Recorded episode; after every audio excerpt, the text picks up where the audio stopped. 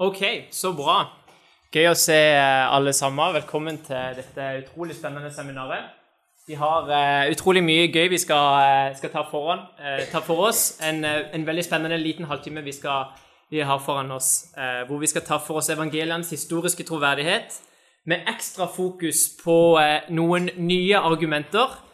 jeg har faktisk aldri hørt om jeg pratet med Lars Olav i, i stad, jeg har aldri hørt om at det er blitt at det har blitt eh, holdt foredrag om disse argumentene på norsk jord før. Så dette er nesten en litt sånn norgespremiere, da, som er egentlig ganske stor.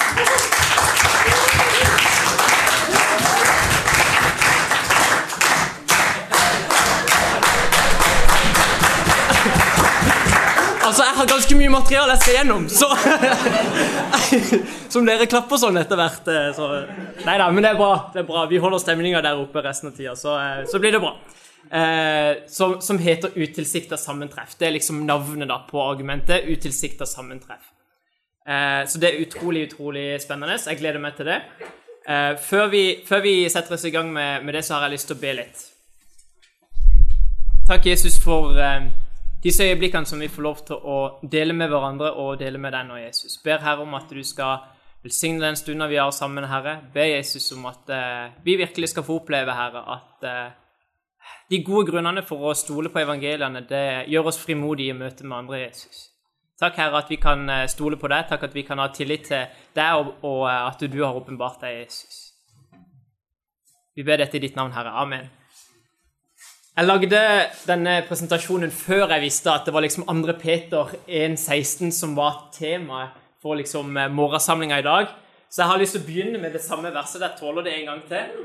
Fordi det var ikke kløktige, uttenkte eventyr vi fulgte da vi kunngjorde dere vår Herre Jesu Kristi makt og gjenkomst, men vi har vært øyenvitner til Hans storhet.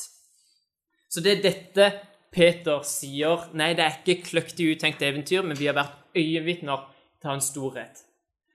Det er det Peter sier. Samtidig så lever vi i en tid hvor det er mange som brøler høyt, hvor det er mange som har ulike meninger om de bibeltekstene vi har. Og det er absolutt ikke alle som er enig i det Peter sier her. Og en av de, det er en som heter Bill Mayer. Han er komiker og en eh, ateistaktivist. En, en som er en stor talsmann for ateisme i verden i dag. Og han sier dette her. I think that people who believe in the Bible are just childish. Jeg mener at de som tror på Bibelen, de er bare barnslige. Og så er det ganske typisk da at det er en komiker som kommer med såpass negative, retoriske, eh, skråsikre sitat om Bibelen. Du vil ikke finne sånne type sitater hos akademikerne, de som faktisk forsker på dette. Eh, så på en måte så er det jo litt håpløst. På den andre måten så setter jeg egentlig ganske stor pris på at folk som Bill Mayer sier sånne ting, fordi det tvinger meg til å undersøke er det sant det han sier? Er evangeliene tull og tøys, eller kan vi stole på dem? Har vi gode grunner til å tro at de er troverdige, altså min tro verdig? Og Det er litt det vi skal se på i dag. Har vi noen gode grunner for å tro på evangeliene? Og Jo mer jeg undersøker evangeliene, jo mer jeg undersøker det historiske belegget for Johannes, Lukas, Markus og Matteus, jo mer ser jeg at vi har god grunn til å tro at disse fortellingene er mye mer enn bare vakker poesi og en fin fortelling, men det er også sant. Vi har gode historiske grunner for å tro at de er sanne. Og Selv om jeg skal bruke mest tid på disse utilsikta sammentreffene, så har jeg litt lyst til å bare gi en veldig kortfatta presentasjon om hvorfor de er troverdige. Har du lyst på den ekspanderte, den utvida, av det så ville jeg gått på Lars Olav sitt seminar etterpå om man kan stole på evangeliene. Men dette blir litt mer kortfatta om hvorfor vi kan stole på evangeliene. Det første er at evangeliene de er tidlige historiske kilder til Jesus. Til disse tingene som de beskriver. Det er bred enighet blant akademikere at de er skrevet 30-60 år etter hendelsene. Og det er ganske unikt tidlig i, for, i forhold til å være i antikken. Det vil si at når evangeliene er skrevet ned, så er de skrevet ned av folk som også levde eh, under de tingene som de, de, tar for seg, som de skildrer. Um, og så kan man tenke ja, men hvorfor skrev de ikke det ned med en gang? Vel, det som er greia, det er at Jesus, det siste Jesus sier til apostlene, til disiplene sine, det er at det, dere skal få kraft når, det, når Den hellige ånd kommer over dere, og dere skal være mine vitner i hele Jerusalem, i hele Judea, hele Samaria. Og dette her, Det var en oppgave som disiplene og som de første kristne tok veldig på alvor. Og når man leser de første eh, kirkefedrene, f.eks. en som heter Papias, som er blitt eh, gjenfortalt av en som heter Irenius på 300-tallet, som forklarer situasjonen som, som, eh, som apostlene var i. Om man skulle nå ut med et budskap på en mest effektiv måte, så var det med muntlig overbevisning. Det å skrive ned dokumenter, det var dyrt, det var vanskelig, det var tungvint, og det var ineffektivt. Eh, så om man ønska å nå ut med et budskap i bredt omfang, så var det det muntlige det, det gikk på. Og så er det jo sånn at eh, Disiplene må jo ha tenkt at når de var i ferd med å dø ut, ja, da var det mer vesentlig å få skrevet det ned. ikke sant? Eh, og det er det vi også ser, da, at det har vært eh, en overlapp mellom Jesu liv og evangelienes nedtegnelse, og det er apostlenes sitt liv. Og Det samme ser vi i bøker om f.eks. andre verdenskrig i dag. I løpet av de siste 10-15 årene så har det aldri vært skrevet så mange bøker om andre verdenskrig. Hvorfor? Jo, for de som var der, holder på å dø ut. Og det samme ser vi med evangeliene. Vi har ikke originalmanuskriptene til noen av evangeliene. Og jeg kan huske når jeg først fant ut av det, så tenkte jeg å, shit, krise. Men det er ikke krise i det hele tatt. Vi har faktisk ikke ett eneste originalmanuskript fra hele antikken til noe som helst. Det vi har, det er masse kopier av disse manuskriptene. Eh, og eh, av evangeliene så har du 5250 greske kopier, altså skrevet på originalspråket. Men tar du med andre språk også, f.eks. koptisk eller asyrisk eller osv., så, videre, så har vi 24 000 eh, kopier til evangeliene. Noe som er fantastisk mye, unikt mye til å være i sin samtid. Den, den eh, Eh, det historiske dokumentet som har nest flest kopier fra antikken, det er, om jeg ikke tar helt feil, Homers Iliaden, og den har 695 kopier. Så du ser at omfanget på kopier det er ganske stor forskjell fra, fra evangeliene til andre typer dokumenter fra antikken. Og Det tekstkritikere jobber med, det er å ta utgangspunkt i disse kopiene for å komme tilbake igjen til originalen. Se for deg at du har en eh, sjokoladekakeoppskrift som er fantastisk deilig som er så deilig at du har lyst til å dele den med alle vennene dine.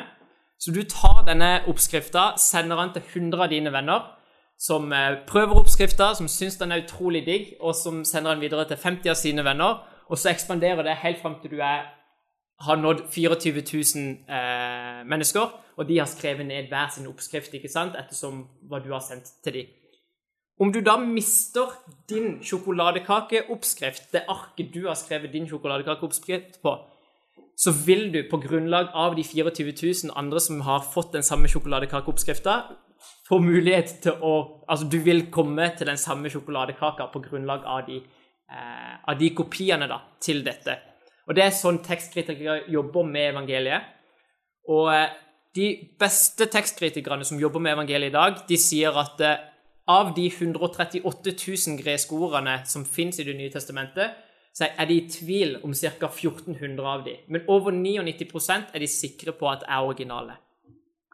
Og, man kan faktisk, og vi vet faktisk hvor de tvilstilfellene er hen. Hvor de 1400 tvilstilfellene er hen. Og det er absolutt ingen avgjørende deler av Bibelen som er på en måte, som er tvilstilfeller. Eh, da. Det er liksom ikke at det ene manuskriptet sier at Jesus sto opp fra de døde, mens det andre manuskriptet sier at Jesus sto ikke opp fra de døde likevel. Eh, det er absolutt, altså Forskjellene er helt uvesentlige. Det er f.eks. et sted i, Johannes, eh, i 1. Johannes brev så står det dette er skrevet for at dere skal ha deres glede fullkommen i Herren. Mens i et annet manuskript så står det dette er skrevet for at vi skal ha vår glede fullkommen i Herren. Altså Det er sånne type varianter mellom, mellom kopiene. Det er totalt uvesentlig i forhold til hva vi tror på, og hva som er avgjørende for vår tro. Så det er absolutt ingenting å frykte i det hele tatt. Historisk sett så er evangeliene i, i veldig, veldig, god stand. Evangeliene er basert på øyevitneskildringer. Det er liksom ikke noe som eh, bare folk har antatt at sånn så det sikkert ut, eller bare har gjetta seg fram til noe. Nei, vi tror at to av evangeliene er bygga på direkte øyenvitner, og de to andre er bygga på folk som har hatt direkte kontakt med direkte øyenvitner. Matteus og Johannes har vært direkte øyenvitner av Jesus selv, mens eh, Markus har fått sitt evangelium fra Peter, som er en av de nærmeste disiplene til Jesus, mens Lukas hadde et bredt spekter av øyenvitner eh, når han skrev sitt, sitt, evangelium. Så dette er liksom ikke noe som folk har gjetta seg fram til. Nei, dette er folk som har sett det med sine egne øyne, og prater med folk som har sett det med sine egne øyne. Noe som også er veldig unikt da, i forhold til antikken. Det siste det er at uh, evangelien er fylt med en haug av detaljer som man kan etterprøve. Overalt i evangeliene finner du små detaljer, om det er stedsnavn, om det er hva slags type blomster det er, om det er geografi osv. osv. De er fylt med masse uh, små detaljer som kan etterprøves, noe som også er veldig unikt for, for uh, disse historiske dokumentene. Vi skal fortsette litt videre på de, disse detaljene, for de er veldig verdt å, å legge merke til. For det er et godt tegn i seg selv at evangeliene inneholder eh, detaljer. Om du skal fabrikkere en tekst, fabrikkere et eller annet, ja, så, så tar du jo ikke med detaljene som er etterprøvbare. For Da står du i en stor risiko til å liksom ikke kunne passere den testen da, om de er autentiske. Og vi kan faktisk sammenligne det med de falske evangeliene, med de gnostiske evangeliene, som vi vet ikke kommer fra disiplene, som vi vet kommer mye seinere. Leser du Philip-evangeliet, leser du Thomas-evangeliet, så er de blotta for stedsnavn, de er blotta for detaljer. Du finner liksom ingenting da, som kan etterprøves i disse, og det er liksom et tydelig trekk da, av at de er inautentiske. Et veldig autentisk trekk det er når historiske dokumenter er fylt med detaljer som man kan etterprøve. Det er klart det, Om man ønsker å bløffe, så, så, fyller man det jo ikke opp med en haug av detaljer som vi vet folk kan sjekke. Eh, da holder man seg unna de detaljene, og så får man heller håpe at folk tror på det. Eh, men evangeliene altså, de har med en haug av detaljer som kan etterprøves. De nevner steder, personnavn, jødiske skikker f.eks., masse landshøvdinger, og til og med botanikk. Det er ganske utrolig. Vi skal komme til et eksempel eh, på det etterpå. Og vi vet med stor sikkerhet at Evangeliene ble ikke skrevet i Israel eller Palestina-området. Eh, Palestina-området. Eh, blant annet så mener historikere at Markus har skrevet sitt evangelium i Roma osv. osv. De er iallfall ikke skrevet i dette området hvor disse tingene skjedde. Og Da er spørsmålet hadde du klart å skildre Tsjekkia på 1970-tallet på en riktig måte? Hadde du klart å få til geografien rett, stedene rett, skikkene rett osv., osv., med mindre du faktisk var i Tsjekkia? på 1970-tallet. Om noen hadde klart det, så hadde jeg vært veldig imponert, iallfall. Nei, det er faktisk ikke sånn at vi klarer det. Eh, så det at eh, evangeliene treffer på disse detaljene, det er en tydelig indikator på at de faktisk har vært der, at de faktisk vet hva som utspilte seg på disse stedene. Et eksempel på en sånn liten detalj som blir etterprøvd, og som blir bekrefta, det er i eh, Lukas 19, hvor det står at Sakkeus klatra opp i et tre. og Da er liksom quizen Hvilke tre klatra Sakkeus opp? Og det var så enkelt. Ok, det er greit. Da skal det være litt vanskeligere neste gang. Quiz. Hvor skjedde dette? Er det noen som vet hvor det skjedde? Utenfor Jeriko. Ved Jeriko. Korrekt. Så hva er da det opplagte spørsmål? Fantes det morbærtrær i Jeriko på tida til Jesus? Og Det som er interessant, er at det er noen som har tatt for seg botanikken i Midtøsten på Jesu tid. Det er den feteste jobben som fins. hadde noen spurt meg og Jon, hva jobber du med, så hadde jo drømmen vært å svare jeg undersøker botanikken for 2000 år siden. Men det de har kommet fram til, det er at ficus psychomoris, som er det latinske navnet for morbærtrær, fantes i disse områdene på den tida. Det fantes i Afrika og et lite område oppe i Midtøsten hvor f.eks. Jeriko er. Eh, så sånne detaljer blir bekrefta av forskjellige ting. En som heter sir William eh, Mitchell Ramsay, som er en eh, arkeolog som ble, han ble født i 1850, døde i 1939, som tok for seg alle byene, øyene og landene som, som Lukas nevner i Lukas og Akta. Akta er apostlenes gjerninger. Lukas har også skrevet apostlenes gjerninger så vel som Lukas evangeliet. Og det han kom fram til etter å, under, etter å ha undersøkt det der hele livet sitt, det er at Lukas nevner 32 land, 54 byer, 9 øyer uten feil. Det er ganske unikt i forhold til, til, til historisk troverdighet. Så Lukas han er utrolig utrolig nøyaktig når han legger fram disse eh, historiene og dette dokumentet. Og jeg, jeg, ser på det som at det er, det er to muligheter til hvordan Lukas har fått alle disse tingene rett.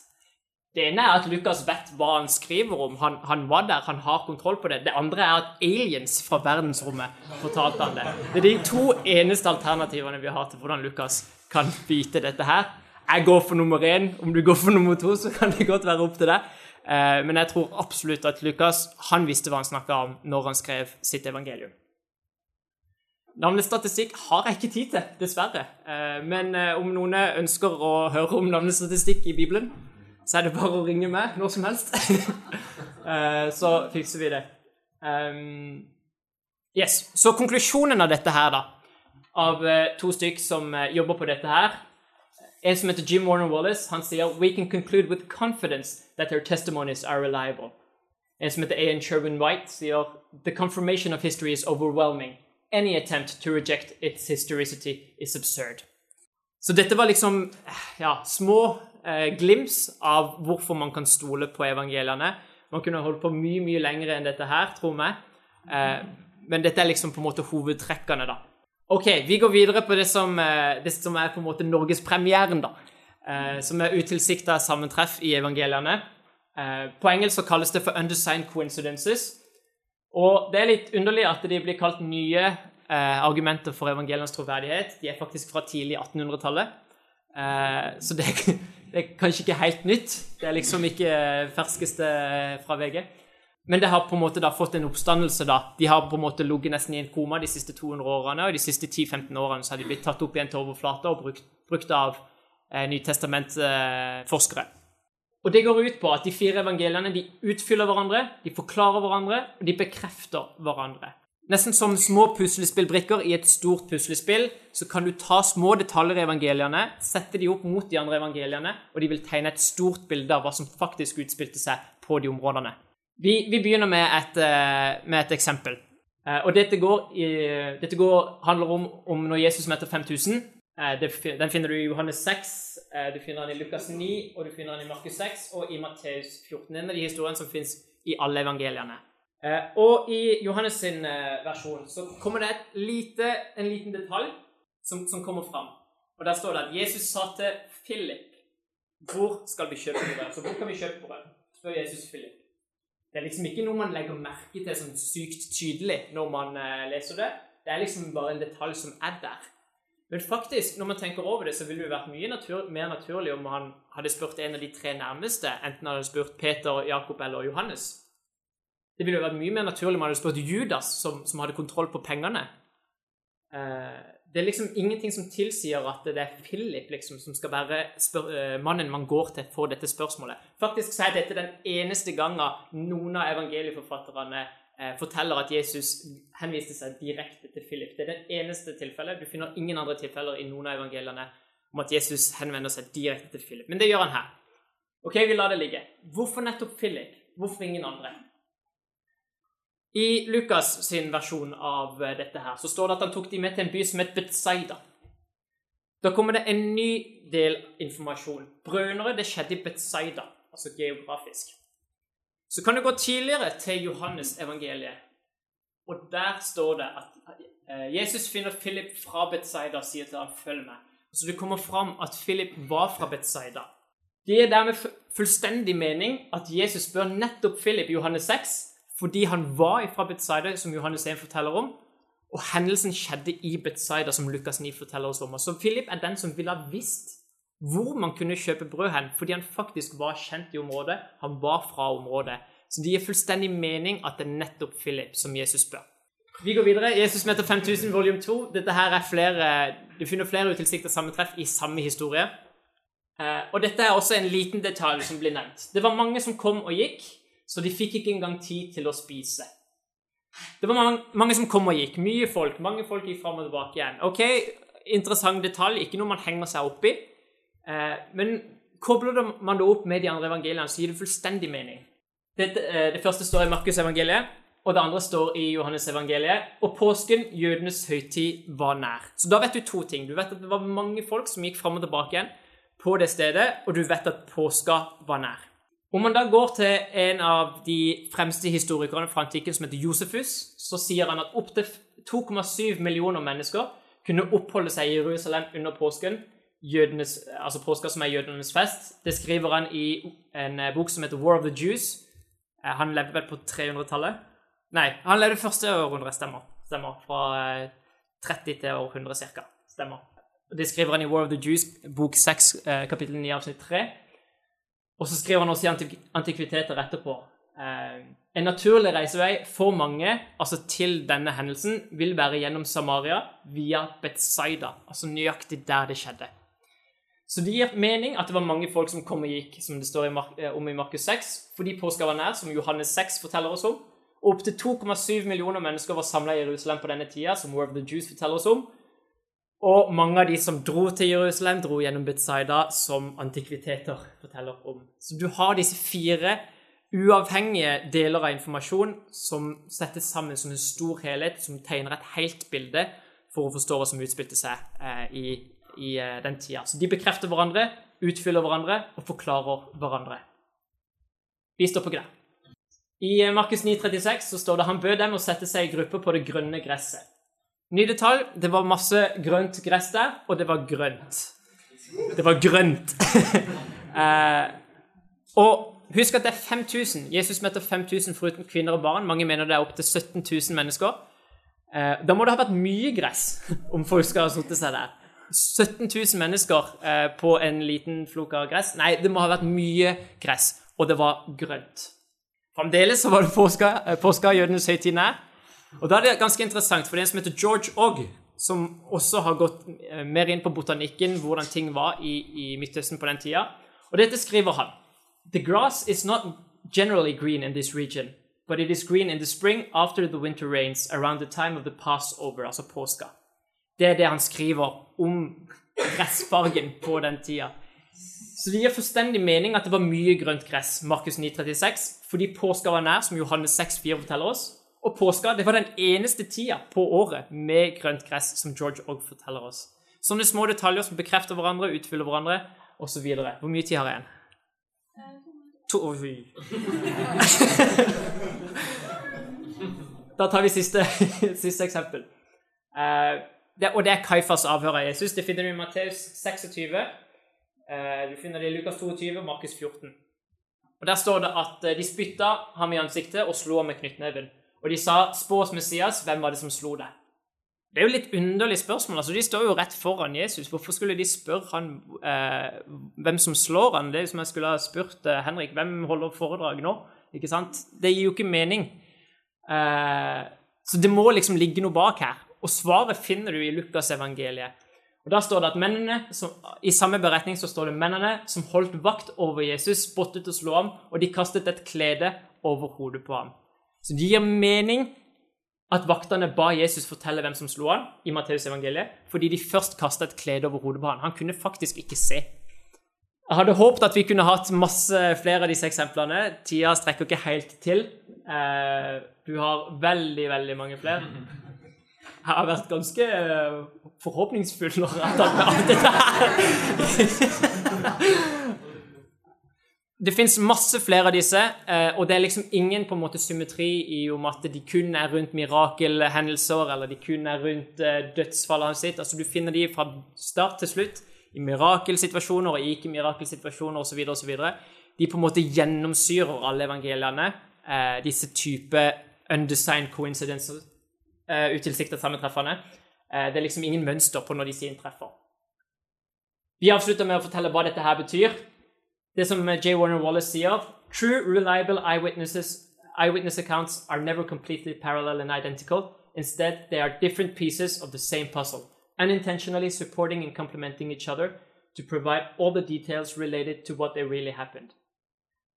Jim, uh, J. Warner Wallace han er cold case-detektiv uh, og jobber med vitneavhør som er gamle.